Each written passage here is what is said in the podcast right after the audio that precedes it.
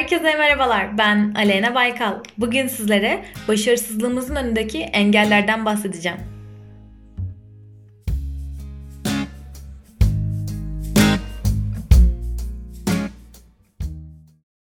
İnsanlar en çok göremedikleri şeylerden korkar.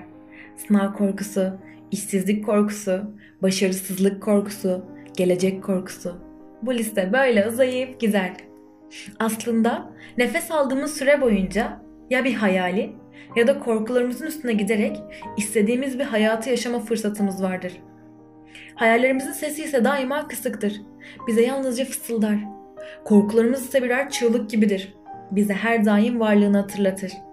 Oysa ki tek yapmamız gereken şey hayallerimizin sesini biraz daha açabilmektir. Gelin birlikte nasıl korkularımızın sesini kısarız? Bakalım.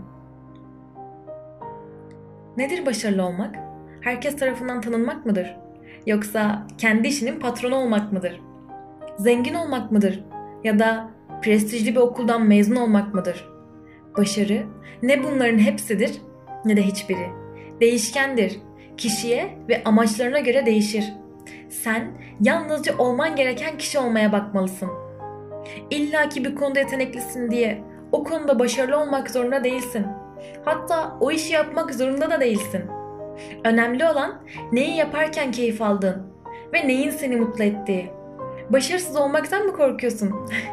Korkma. Unutma ki dünyada alanlarında en başarılı olan insanlar zamanında en çok hata yapanlardır.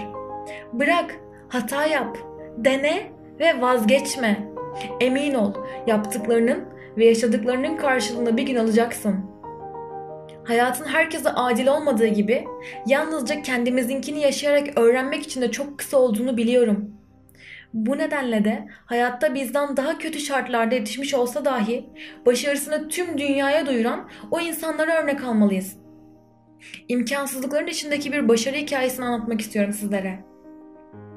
7 yaşındayken babasını kaybetti ve yetim kaldı. 8 yaşında okulundan alındı ve zamanını tarladaki kargıları kovalamakla geçirdi. 17 yaşında hayalindeki okulun not ortalamasını tutturamadı. 24 yaşında tutuklandı. 25 yaşında Suriye'ye sürgüne gönderildi. 30 yaşında amiri onu uzaklaştırmak için başka bir göreve atanmasını sağladı. 37 yaşında böbrek hastalığından Viyana'da 2 ay boyunca tek başına tedavi gördü. 38 yaşında Savunma Bakanı tarafından görevinden atıldı ve hakkında tutuklama kararı çıkarıldı.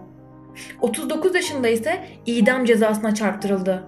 Her şeye ve herkese rağmen vazgeçmedi. Yılmadı. Tüm zorluklara göğüs gerdi. Sonra ne mi oldu? 42 yaşında Türkiye Cumhuriyeti Cumhurbaşkanı oldu. Tüm dünyaya Mustafa Kemal Atatürk adını duyurdu. Şimdi düşünün, başarınızın önündeki engel ne? Paranız mı yok? Atatürk'ün de yoktu. Sürekli başarısız mı oluyorsunuz? Atatürk de oldu. Önünüze taş koyanlar mı var? Atatürk'ün de vardı. Ölümle dahi tehdit mi ediliyorsunuz? Atatürk de edildi. Yapamaz dediler, yaptı. Olmaz dediler, oldu. Başarınızın önündeki en büyük engel sizsiniz. Ne şartlar ne de bir başkası.